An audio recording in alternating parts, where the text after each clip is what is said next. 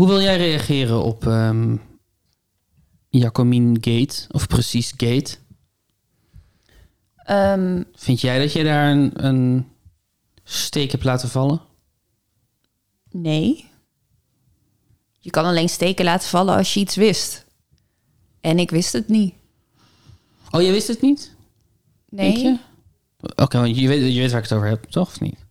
Ja, dat is precies een Vlaams en volgens sommige luisteraars zelfs Antwerpse manier van spreken is. Ja.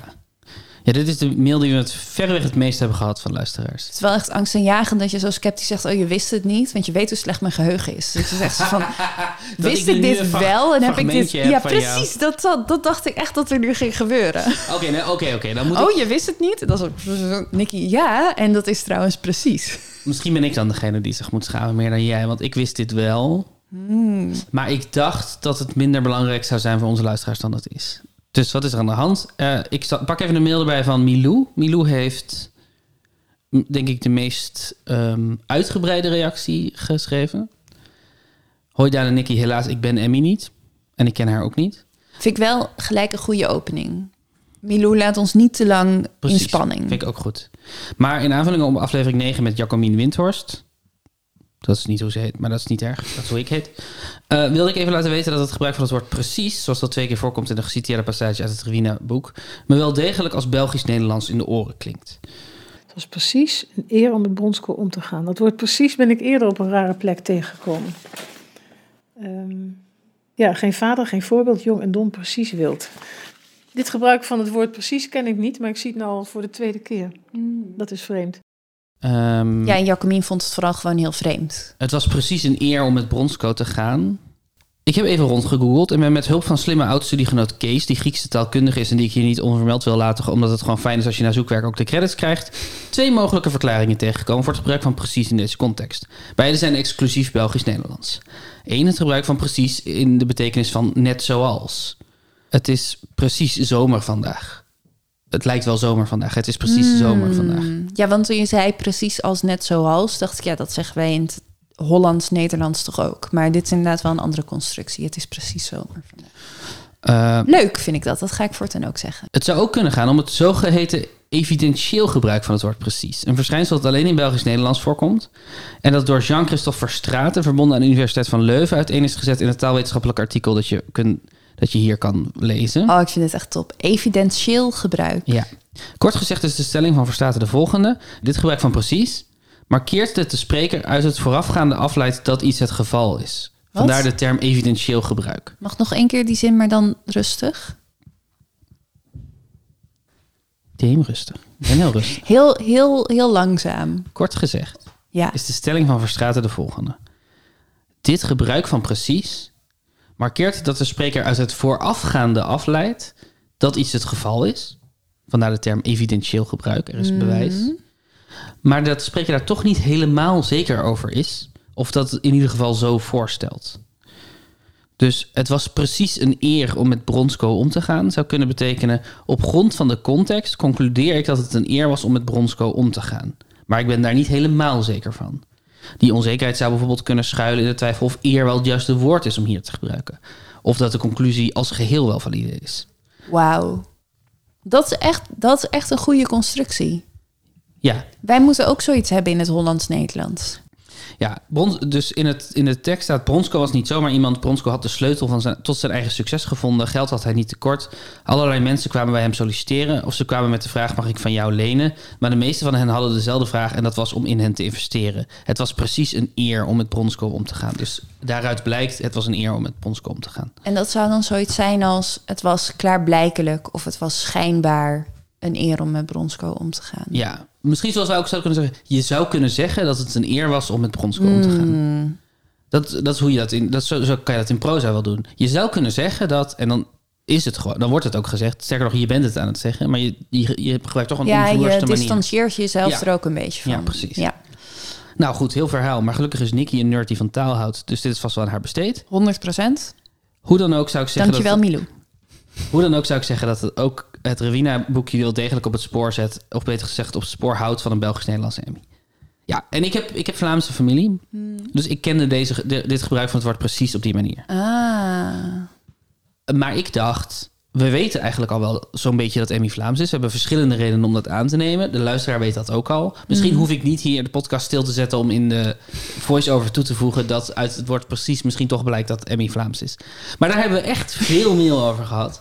Dus dat was een verkeerde inschatting van mij. Ja, echt op. Ik vind het gewoon heel leuk om te weten dat we luisteraars hebben die ook gewoon zitten te detectiven met een koptelefoon op. Ah, in het kader daarvan heb ik nog een andere voor je. Aha. Eh, Sarah mailt... Hoi Daan en Nicky. Ik luister met veel plezier jullie podcast Wie is Emmy? Ik ben halverwege aflevering 6. Ik weet nog niet wat er gaat komen. Maar ik vroeg me af of jullie iets kunnen met de volgende schets. Twee of meerdere scholieren, studenten, in de leeftijd van 15, 22... die een experiment doen met makkelijk geld verdienen en vooral heel veel lol hebben. Hun moeders, buurvrouwen, oma's... Waarom alleen vrouwen? Kleuren in kleurboeken voor volwassenen.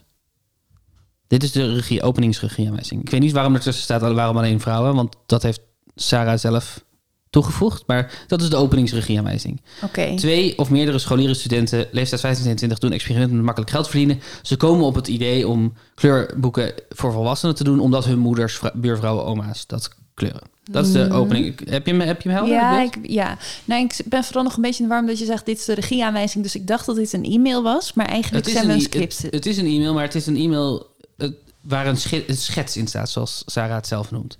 En de schets begint met de re- openingsregieaanwijzing. En hierna komt een stukje dialoog. Oh, oké. Welke naam zullen we gebruiken? Iets met kleuren. Een vrouw. Emmy. Emmy's kleurboek? Emmy's in kleuren? Emmy's in kleur? Emmy Sinclair?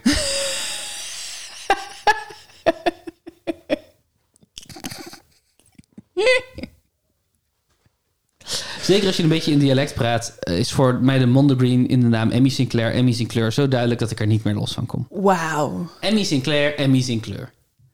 Wauw. Ik denk dat het toeval is, Wauw. maar ik vind het wel een prachtige vondst. Ja, ik vind het ook heel erg, heel, heel, heel erg mooi. Ik ben heel erg benieuwd hoe Sarah Stephanie Jakke kan verklaren in dialoog met regieaanwijzingen. Ja, en als laatste hebben we, we hebben ook een mail gekregen van iemand die vertelt dat wijnproefavonden op Belgische scholen hartstikke normaal zijn. Hoor ik graag meer over. Maaike mailt, we hebben met ons gezin een aantal jaar in België gewoond en ik wilde de wijnproefavond uit aflevering 6 even verder toelichten. Omdat jullie altijd zo uitvoerig zijn in de details.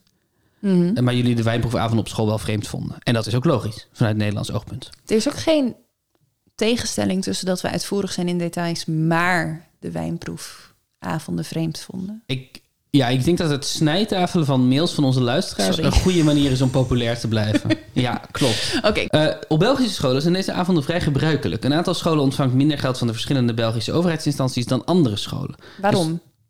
Staat er niet. Wie is Emmy de spin-off? Nee, maar ik vind het nu al schandalen. Ik gok dat het misschien wel iets te maken heeft met dat eh, scholen die een ge- geloofsovertuiging of een eh, confessie, confessionele scholen, dat die minder geld krijgen. Weet ik niet zeker.